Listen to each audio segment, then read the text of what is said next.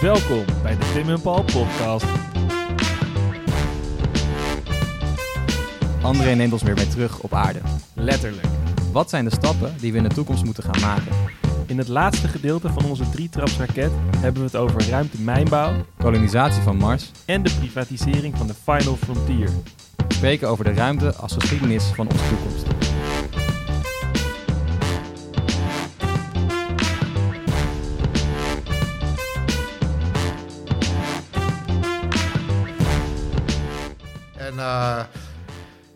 Dus toen stond het programma weer stil. Ook voor mij, want mijn eerste vlucht zou daar met de Russen zijn.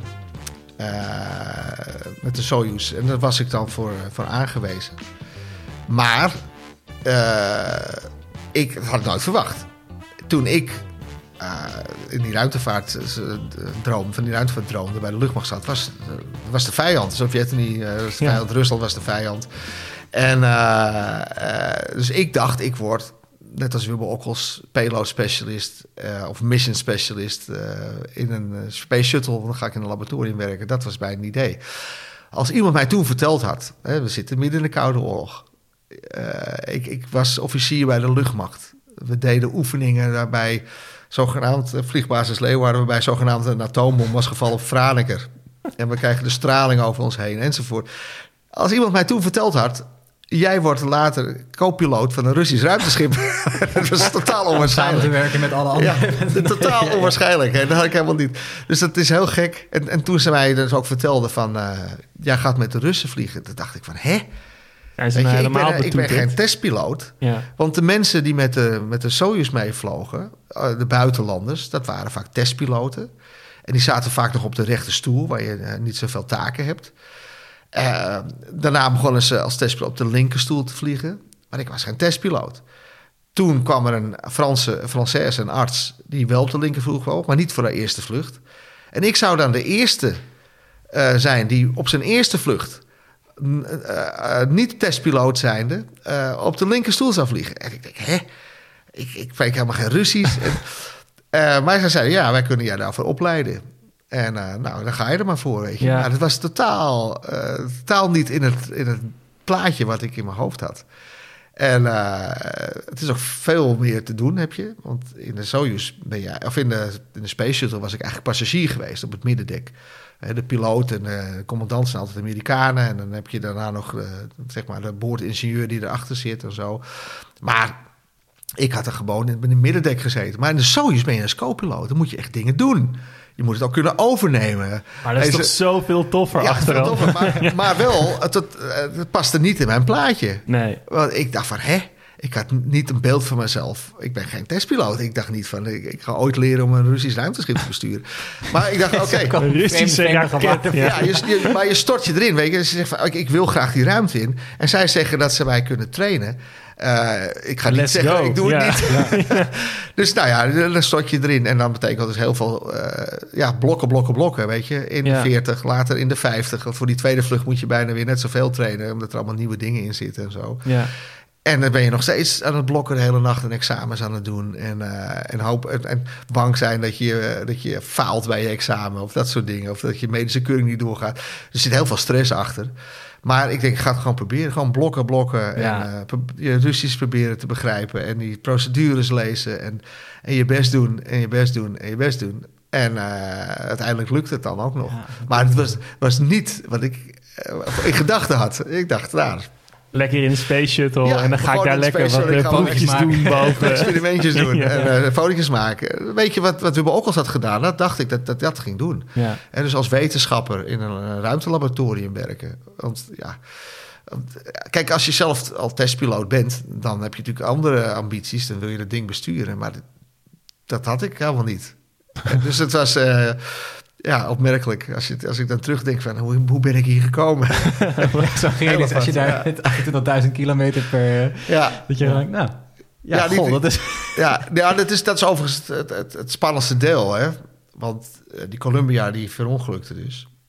En niet lang daarna, of een jaar daarna, kwam ik, uh, was mijn ruimtevlucht.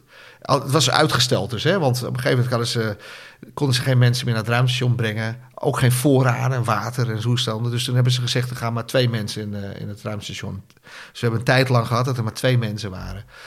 Uh, dat betekent ook dat mijn vlucht uitgesteld werd. Uh, maar ja, toen heb ik mijn eerste vlucht gemaakt. Dat was elf dagen. Dat, dat, was eigenlijk de normale tijd die je vroeger ook met de Soyuz, met de shuttle had, hè, één, twee weken. Uh, maar we hadden zogenaamde taxivluchten hadden we toen. Dus je ging met z'n drieën heen, dan was je een week boven, uh, negen dagen of zo. En dan weer terug. En die twee anderen die wisselden dan af. Dus ik ging met twee mensen heen en twee anderen terug. En toen ik terugkeerde, toen dacht ik heel sterk aan mijn collega's aan de Columbia. Want je, je remt dus als er een eend op het water af. En je zit dus in een vuurbal. Je, dat zie je ook. Dat zie je ook. Je, je moet je voorstellen, je drukt de knoppen in om de haken los te maken. Nou, dan drijf je, er zitten een paar veren in die ring en die duwen je langzaam weg. Met zo'n 15, 20 centimeter per seconde drijft de Soyuz weg van het ruimtestation. En dan kom je dus in die nieuwe baan? Nee, nog niet. Want op dat moment heb je dus uh, dezelfde snelheid als het ruimtestation. En dat is nog steeds 28.000 km per uur. Als je niks doet, blijf je gewoon rondjes draaien. En dan na twee dagen of zo is je zuurstof op. Dus het eerste spannende moment, er moet een remmotortje afgaan. Het is een klein raketje aan de achterkant van de Soyuz. Dat motortje dat brandt voor zo'n vijf minuten. Merk je niet veel van. Uh, als je een pen hebt laten hangen, zo, en zweeft een pen voor je, dan gaat hij langzaam naar beneden. Dan pak je hem, leg je, hang je weer terug en dan gaat hij langzaam naar beneden. Heb je dat gedaan ook? Ja, tuurlijk. Ja, gewoon te kijken wat die, wat die versnelling doet. Ja. Eh, maar je, daarna is dit motortje opgebrand. Het is nog steeds zwart buiten en je valt gewoon weer. Je zweeft. Maar je baan is wel iets verlaagd. De aarde die heeft meer, eh, meer grip op je nu. Uh, dus op een gegeven moment, 20 minuten later, begint het roze te worden buiten. Het raampje zit vlak naast je hoofd. Het is roze, het oranje, je ziet vonkjes verschijnen. Je wordt steeds dieper in je stoel gedrukt. Die pen gaat steeds sneller vallen. En op een gegeven moment uh, heb je halve G. Op een gegeven moment heb je 1 G zoals we aarde, maar dan wordt het meer. Dan wordt het anderhalf G. 2G. Je wordt steeds dieper in je stoel geperst. Want je begint dus af te remmen in die lucht. En je lichaam wil door, dus je wordt in je stoel geperst. We vallen ruggelings. Hè? Je valt ruggelings van je, door die dampkring heen. Dus je wordt in je stoel geperst. Je, dat, die positie is handig, want je wil de afstand tussen je hart en je hoofd zo klein mogelijk hebben. Uh, want anders wordt die, zeg maar, het bloed steeds meer naar beneden getrokken. Dus je wil eigenlijk het hart en hoofd op de gelijke hoogte hebben. Daarom is een F-16-stoel ook gekanteld. Hè? Dat het hoofd-hartafstand uh, wat lager is. Je kan je steeds je riemen steeds strakker trekken. En uh, op een gegeven moment, ja, het ademen wordt moeilijk. Het is net alsof iemand boven je borst zit. Uh, de commandant die vraagt dan vriendelijk: alles oké? Alles oké? Hij kan niks meer doen. Maar en dan uh, de communicatie met de grond die uh, gaat slechter worden. Want je zit in een, in een koker van gloeiende lucht.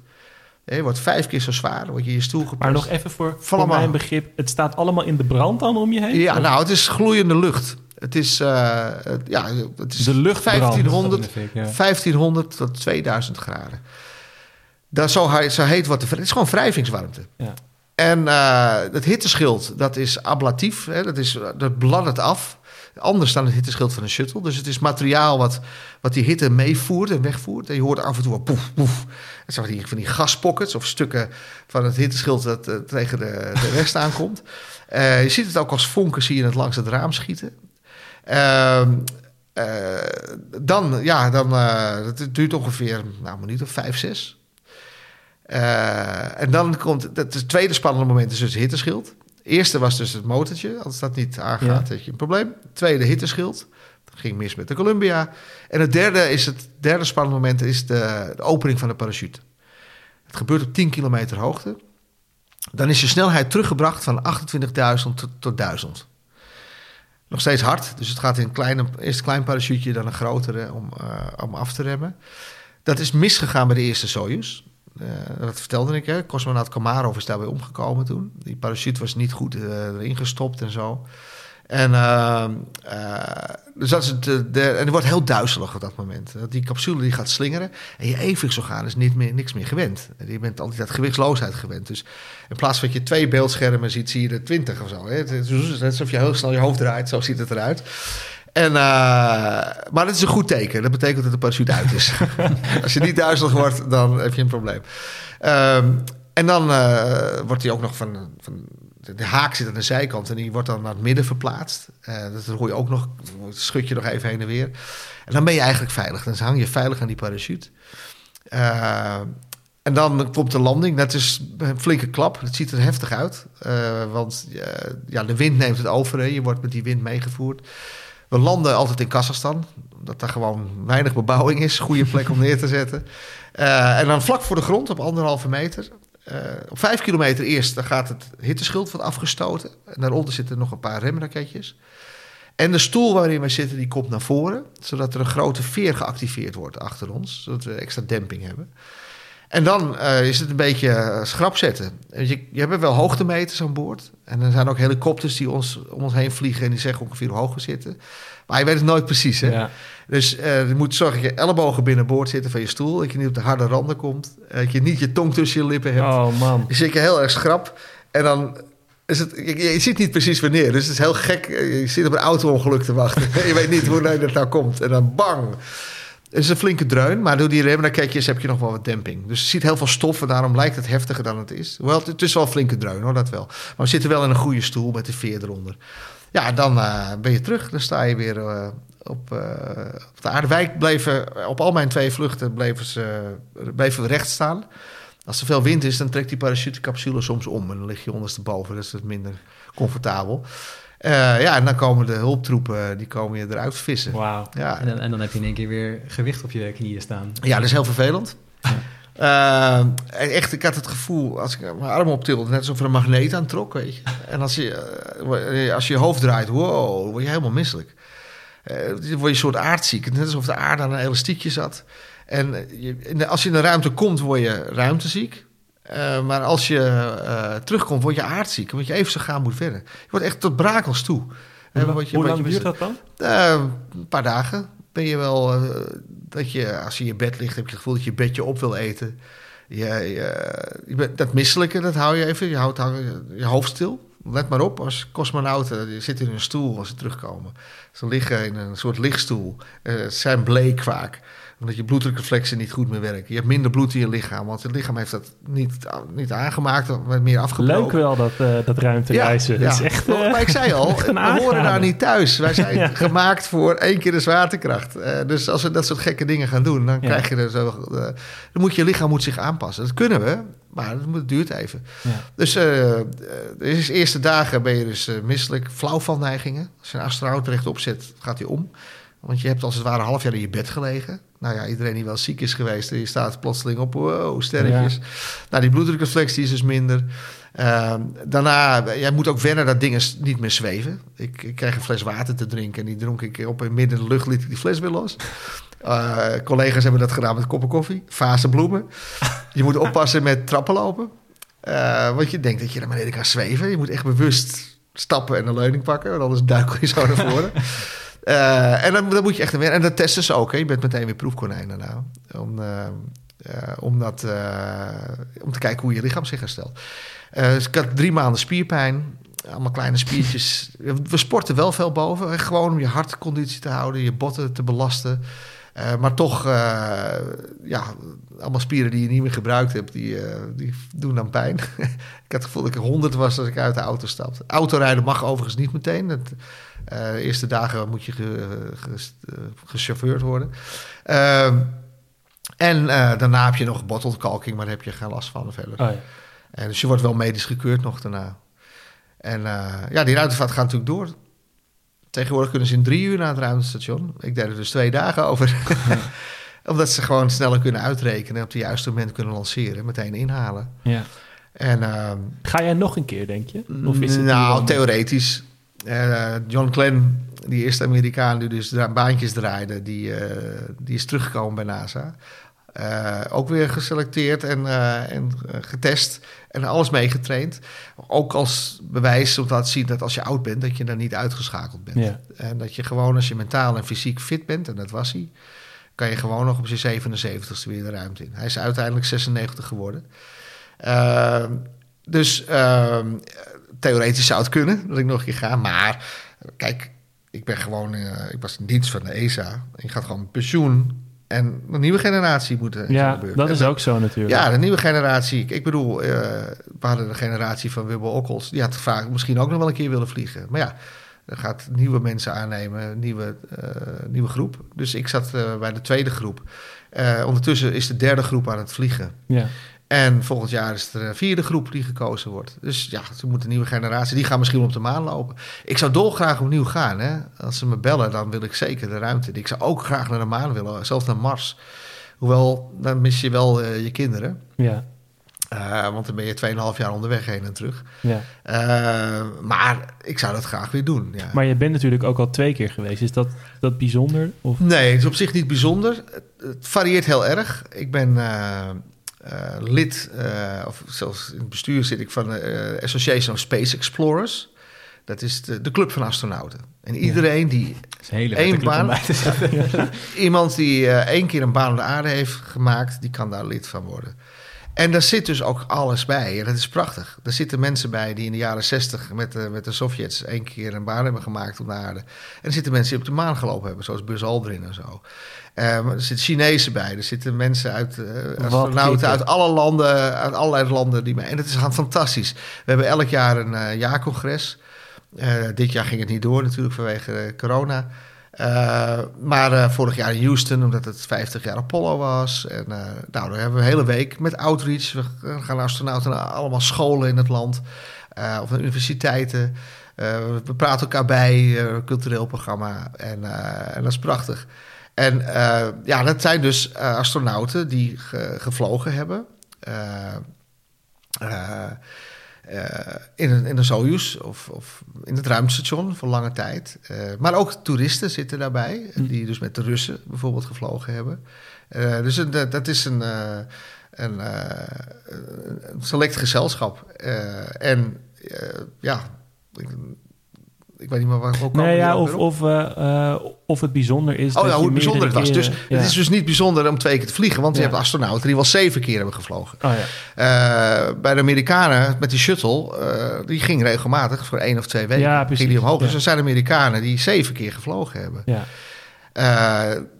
een van de mensen is is Jerry Ross. En uh, die kende ik dat voordat ik astronaut werd, werkte ik dus aan de shuttlevluchten. Ja. Met hem. Hij was toen uh, payload commander. En uh, veel mee gesproken. En, uh, en die, toen hij gekozen werd, toen dacht hij dat hij naar Mars zou gaan. Want ja, ze stonden op de maan, dus ik ga naar Mars. nou, hij, uh, hij, heeft alleen maar baan om de aarde gemaakt. Wel zeven keer, hè? dus een prachtige carrière. Maar het is heel variërend. De Russen die, die vliegen ook vaak. Die hebben, maar, die hebben een veel kleiner team. En de ja. Amerikanen hadden ontzettend veel astronauten... die heel veel vlogen in, in die tijd. Uh, maar de Russen die, uh, die hebben dus hun uh, een Soyuz-vlucht en de meer. En die bleven dus lang. Ja. dus de Russen hebben de meeste ervaring in langdurige vluchten. Een half jaar. Dus er is zelfs een Rus geweest, een Russische arts... die op zijn tweede vlucht, geloof ik, 437 dagen of zo heeft gevlogen. En dat was ook om te kijken, wat kan je nou doen tegen die bottelkalking? Of dat spierverlies. Oh, ja, ja. Paul Jakov heette die. en en die, uh, hij is zelfs nog in. Ik heb hem ontmoet. Hij is in Nederland geweest. Hij is, ik was daarbij toen hij geridderd werd tot baron in het land van ooit.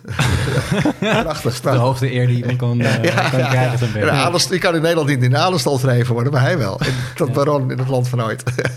dat was heel leuk. Maar uh, die, die heeft de langste vlucht gemaakt. Er zijn ondertussen astronauten, meerdere, die een jaar hebben gevlogen. Ook om te kijken hoe je lichaam zich aanpast. Wat voor schade er is door de straling. Want we hebben meer straling naar boven aan het DNA bijvoorbeeld. Hoe je met de bottelkalking omgaat. Allemaal ter voorbereiding van lange vluchten naar Mars. Dus uh, Russen hebben veel ervaring. Amerikanen nu ook, door het ruimtestation. Uh, de langste, de meeste tijd in de ruimte uh, is Kanadi Padalka. Dat is mijn commandant geweest van mijn eerste vlucht. Okay. En op mijn tweede vlucht kwam hij voor expeditie. Ik was expeditie 30, dus ik Ja. was boven. Toen hij naar boven kwam. Dus, toen, dus op mijn eerste vlucht deed hij de deur achter mij dicht. Ja. En op de tweede vlucht deed ik de deur voor hem open. Dat was leuk. Ik ken Ja, niet die bij elkaar, maar die heeft 864 dagen totaal in de ruimte doorgebracht. Wauw. Dus het, het is heel verschillend. Eh, dat ik twee keer ben geweest is eh, voor Europese begrippen eigenlijk oké. want er zijn ook Europese collega's die maar één keer hebben gevlogen. Eh, Sommige ook vier keer, zoals met de shuttle, omdat die korte vluchten maken. Maar Europa, eh, het is een internationaal ruimtestation. Europa doet mee voor zo'n 9% maar. Ja, en daar ga ja, en dat nagelang, heeft- je ja. krijgt dus ook zoveel bemanningstijd. Zo- ja, en zoveel ook onderzoekstijd Ja. enzovoort. Dus het is allemaal verdeeld. De Amerikanen en de Russen hebben de meeste. eh, die hebben de spullen ook. En eh, Canada heeft een robotarm gebracht. Eh, Japan een module. Europa, Europa ook een module. Vrachtschepen. Eh, dus we dragen bij eh, in kind. Hè? Dus eh, jij bouwt wat, jij doet wat. Ja, En wij mogen, wij hebben het recht op één Europeaan per jaar gemiddeld. oké. Japanners ook zoiets, Canadezen nog één keer per twee jaar of zo. Dus dat betekent dat er gewoon maar heel weinig mogelijkheden zijn voor een Europese astronaut om Meerdere keren. meerdere ja. te vliegen. En dan is Nederland nog gewoon een heel klein spelertje. Op zich zou dat niks uit moeten maken. Eh, als je eenmaal binnen bent, ben je Europeaan. Maar je ziet toch wel dat de beste, de langste vluchten gaan naar Frankrijk, naar Duitsland en naar Italië. En de kleine landen, en daar hoort ook Groot-Brittannië bij, die krijgen later hun vluchten of korter. Ja, Er is een Deense astronaut, ja, die heeft nog maar eh, die heeft één kort vluchtje gemaakt, zoals ik, zo'n taxivlucht. Dus die moet nog een lange vlucht maken. Maar de Duitser heeft al twee lange vluchten gehad. Een van de Italianen al twee lange vluchten. En ja. de Fransman gaat nu zijn lange vlucht maken. Zijn tweede lange vlucht. Dus er zit toch wel, er zit toch. Eh, ESA. ESA is natuurlijk een eh, organisatie, maar die, die eh, bestuurd wordt door de landen. Ja, net een beetje als de EU. Hè? Dus je hebt ook nog een hoop, hoop macht van de landen. En die, ja, die eisen hun, hun plaatsje op. Eh, maar eh, dus de kans dat er een Europeaan gaat is niet groot. En, eh, en ja, dat ik nog een keer ga is dus... eh, is daarmee ook heel klein. ja, nee, sowieso niet meer. Ik ben weg bij ESA. Ja. Theoretisch zouden ze me weer kunnen bellen, dat Ja. wel. Eh, maar ja, de nieuwe generatie moet. ja. En eh, eh, dat ik twee keer ben geweest, ja, dat is prachtig. Daar ben ik eh, heel tevreden mee. Ik heb absoluut niet te klagen. Want mijn meeste collega's zijn maar eh, één of twee keer geweest. Ja. En, eh, en ik had natuurlijk graag op de maan gestaan. En er is nu een generatie, de derde, eh, waarvan ik eruit ging dat die op de maan gingen staan. Maar het is ook nog maar de vraag of die, of die al met pensioen zijn voordat dat gaat lukken. ja. Want die maan die komt eraan. Ehm, er is een nieuwe maanrace als het ware. En dat komt omdat China ook bezig Dus is. dan moet je zich er nu ook tegenaan natuurlijk. China is nu ook bezig met, ook met bemenste ruimtevaart. Eh, het is een internationaal ruimtestation, maar China doet niet mee. China doet zijn eigen ding. En die hebben eh, diverse astronauten in de ruimte gebracht. eh ruimtestationnetjes in de ruimte gehad. eh, ruimtewandeling gemaakt. Zijn bezig met een raket die naar de maan kan. En ze hebben, en dat is wel weer primeur, eh, een, een robotautootje aan de achterkant van de maan neergezet. Dus China is duidelijk bezig. Andere landen overigens ook. Hè. India wil ook mensen in de ruimte brengen en wil ook op de maan willen landen. Dus er beginnen meer eh, mensen geïnteresseerd te zijn eh, in de maan. En daarom Amerika natuurlijk ook weer. Ja. Dus het maanprogramma is weer gestart. Eh, was al eerder af en toe genoemd door Bush, door Obama eh, en nu dus ook weer. Eh, en nu in dit geval ook in samenwerking. Dus er moest met Europa. Amerika heeft gezegd: we gaan eh, de baan om de aarde, dat kennen we nu goed, dat gaan we overlaten aan commerciële bedrijven. En dat zijn dus SpaceX bijvoorbeeld, Ja. maar ook andere bedrijven. eh, Orbital, dat heet tegenwoordig, eh, wat is het, Lockheed Martin denk ik. Die bouwen commerciële vrachtschepen. Ik had de eer om de eerste te koppelen. Dat was heel leuk, weet je. Dan een beetje ook, dan sta je in het begin van een nieuw tijdperk. Ja, Hè, dan kwam zo'n vrachtschip van SpaceX, die moesten we dan met een robotarm eh, pakken en moest ik vastmaken aan het ruimtestation. Dat is het begin van een nieuw tijdperk, waarbij Ja. dus niet ruimteschepen van de NASA zijn, maar Ja, van een bedrijf. ja. En dit worden gewoon geleased eh, aan de NASA. Nu ook met astro- astronauten erin. Hè? Dus, eh, we hebben nu de SpaceX, eh, de Crew Dragon gehad en er zit dus, ESA, of nee, dus eh, NASA-astronauten. Bij de volgende ook een ESA, of een Japanse astronaut en daarna een, eh, ESA-astronaut, die Fransman. Eh, dus commerciële bedrijven gaan zich daarmee bezighouden, vervoer aan het ruimtestation. En de agencies gaan dan, dat is, dat, zo hoort het ook natuurlijk, die gaan dan moeilijke nieuwe stappen doen. Terug naar de maan en daarna naar Mars. Mars. En de maan eh, wordt internationaal. Het idee is eh, dat er een internationaal ruimtestation rond de maan komt. Eh, of Rusland mee gaat doen, het is nu twijfelachtig geworden. Want Die vonden hun rol te klein, maar ja, dat is allemaal onderhandelen. Allemaal, allemaal weer politiek. Ja, dat, zijn, dat speelt natuurlijk weer een rol prestige. Uh, en uh, vandaag gaan mensen op de maan landen. Er moet een nieuwe raket komen. Want ja, om naar de maan te gaan heb je niet 8 kilometer per seconde nodig, maar 11 kilometer. Ja. Of iets in die trant. Want je, je, je, moet meer energie hebben om richting die maan te komen. Hadden we vroeger de Saturnus 5. Nog steeds de krachtigste raket ooit. Maar ja, niemand weet meer hoe je die bouwt. Dus we gaan een nieuwe bouwen. Uh, Space Launch System, daar zijn ze nu mee bezig. Daaroverop zit een uh, ruimteschip, zoals de Apollo. En die heet Orion in dit geval. Uh, daar kunnen meerdere mensen in. vier of zo. en daar doet Nederland aan mee. In de, ESA doet mee. Die bouwt namelijk het service module. Je hebt de command module waar de astronauten in zitten. Dan het service module waar alle apparatuur in zit. Zuurstoftanks, brandstof enzovoort. Uh, en, uh, en dan de, de lander. Uh, en Nederland bouwt bijvoorbeeld de zonnepanelen voor, die, voor het service module. Dus het wordt internationaal. wanneer het gaat gebeuren, ja, ik, ik verwacht over vijf jaar dat het gaat. dat ze echt. Dat zullen we eerst rond de maan gaan vliegen. Uh, en dan een tweede landing, dan zullen ze de, dan zeggen ze nu al de eerste vrouwen op de maan gaan zetten. Hm. Uh, hoog tijd ook wel, toch? Ja. Wat een Amerikaanse natuurlijk. Uh, die, die stoppen het meeste geld erin. Maar misschien wel tegelijk... Uh, een Nederlandse. Internationaal. En, maar wees niet verbaasd als de Chinezen... Ja, misschien een Nederlandse. Ja. Dat zou, zou dan gewoon kunnen ook. En die daarmee gaat op die vlucht. Dat verwacht ik niet hoor. Want die, die zou dan nu geselecteerd moeten worden ja, volgend jaar. En, moet opgeleid en dan worden. opgeleid. En nou, duurt nog wel even voordat hij vliegt. Uh, maar... Uh, ja, misschien dat de Chinezen ze voor zijn. Dat zou een Ja. enorme stunt zijn hoor. Ja, Als spannend. Chinezen Toch weer, toch, weer, lanceren. toch weer een nieuwe. Ja, eh, ja, en daarna, kijk, waarom, waarom gaan we naar de maan? Eh, eh, vroeger was dat dus prestige. eh, een beetje wetenschap enzovoort. Maar eh, het is misschien ook voor de toekomst wel eh, natuurlijk verder wetenschappelijk onderzoek. Hè. we willen de polen onderzoeken. Dus het is ook eh, voorbereiding voor Mars. Ja. Eh, dat is het ook. Van, de maan is drie dagen. Eh, Mars is, de, is negen maanden. Plus Ja. dat je weer zoveel lang terug moet. Dus het is een voorbereiding voor hoe kan je iets opbouwen. Een soort, soort, soort onderzoeksbasis. Als een voorbereiding van, van Mars. Eh, de prestige is natuurlijk ook nog steeds een rol. Maar in de verre toekomst denk ik ook dingen als delfstofwinning Ja. en mijnbouw. Eh, op de aarde hebben we nu in onze mobieltjes en schermen allemaal kostbare metalen nodig. De rare earth metals, dat zegt het al, zijn er niet veel van. Moeilijke mijnbouw voor nodig. Ook voor batterijen, kobalt, enorme eh, vervelende mijnbouw in Afrika, slechte arbeidsomstandigheden enzovoort. China heeft veel eh, monopolie daar. Een groot deel is in Chinese handen. En ja, misschien kunnen we die delfstoffen, die kostbare metalen bijvoorbeeld, eh, van andere plekken halen. Van de maan. Of misschien wel, en dan zitten we nog verder in de toekomst, eh, van eh, asteroïden. Hè, dus die planetoïden noemen we dat tegenwoordig. Die grote brokken steen. Die mis- rondzweven. ja, mislukte planeten eigenlijk. Die, Ja. eh, eh, die rondzweven tussen Mars en Jupiter. eh, Maar af en toe ook in de buurt van de aarde komen. Dus al die rampenfilms gaan daarover, toch? Dat er Ja, er eentje ja, dat kan. eh, Het gebeurt. Het gebeurt regelmatig.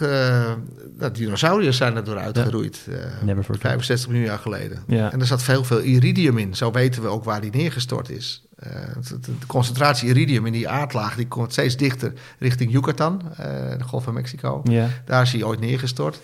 Eh, maar zo weten we dus ook eh, dat er van dit soort interessante stofjes in zitten. Eh, platinum, palladium, nou, noem maar op. Eh, dus misschien er zijn echt wel bedrijven die daar eh, mee bezig zijn. Van hoe kunnen we eh, zo'n asteroïde eh, invangen eh, en gaan minen.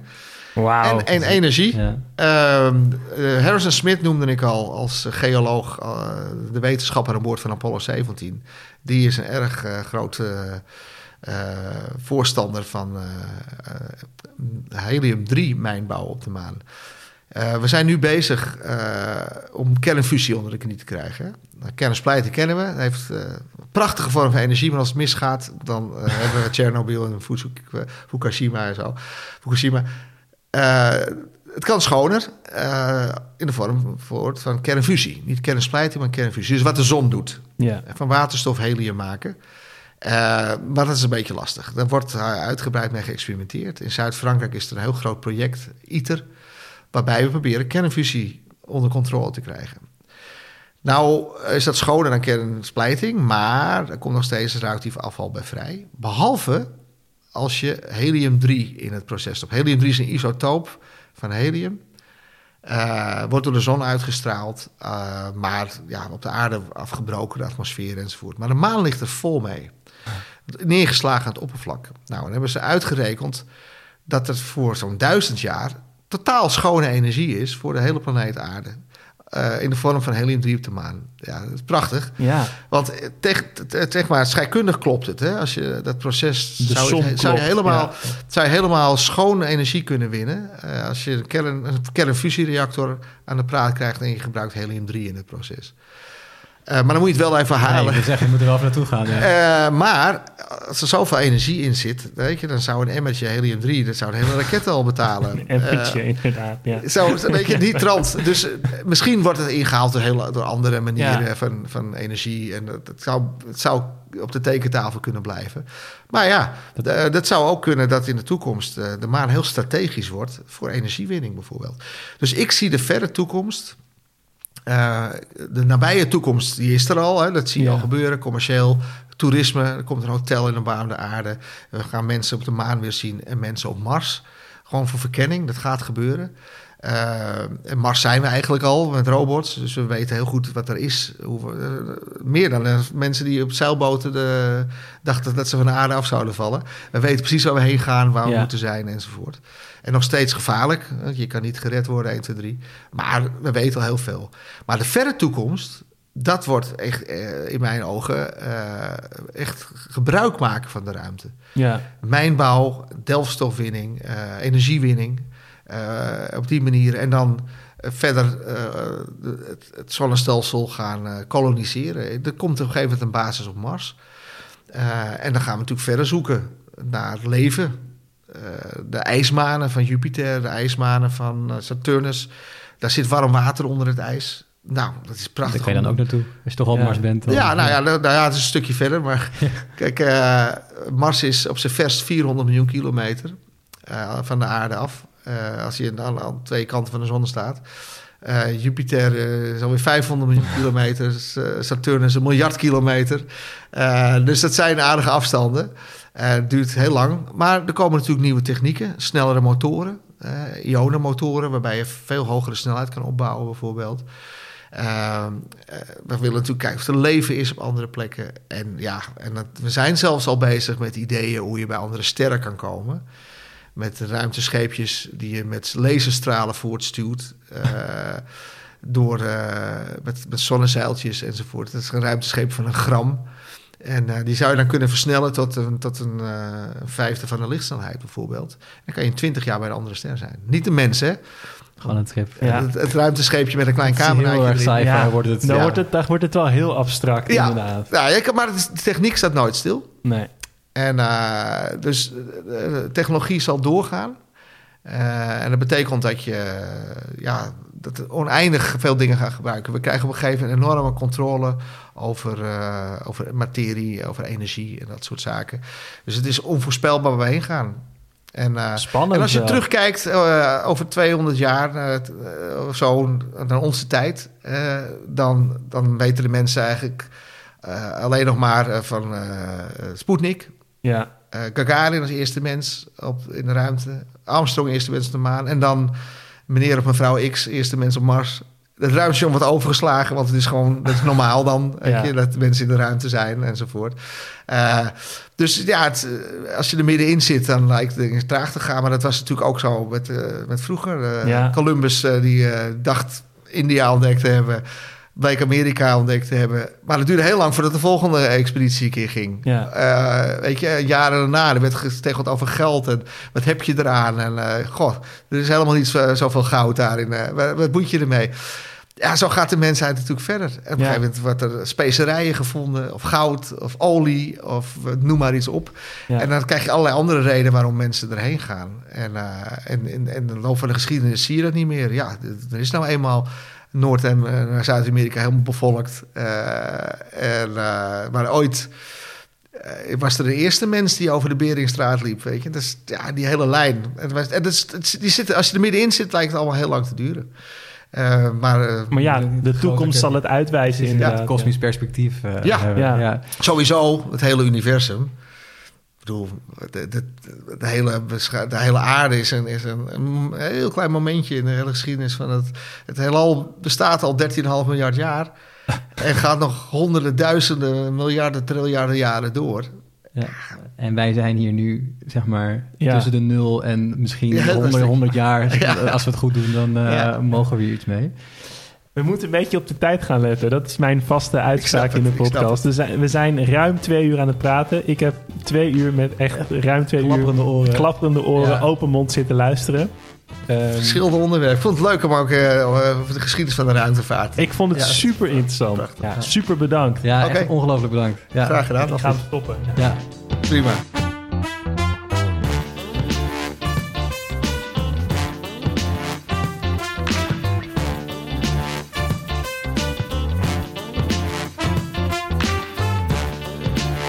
Vond jij dit nou een interessant verhaal en wil je meer over geschiedenis weten?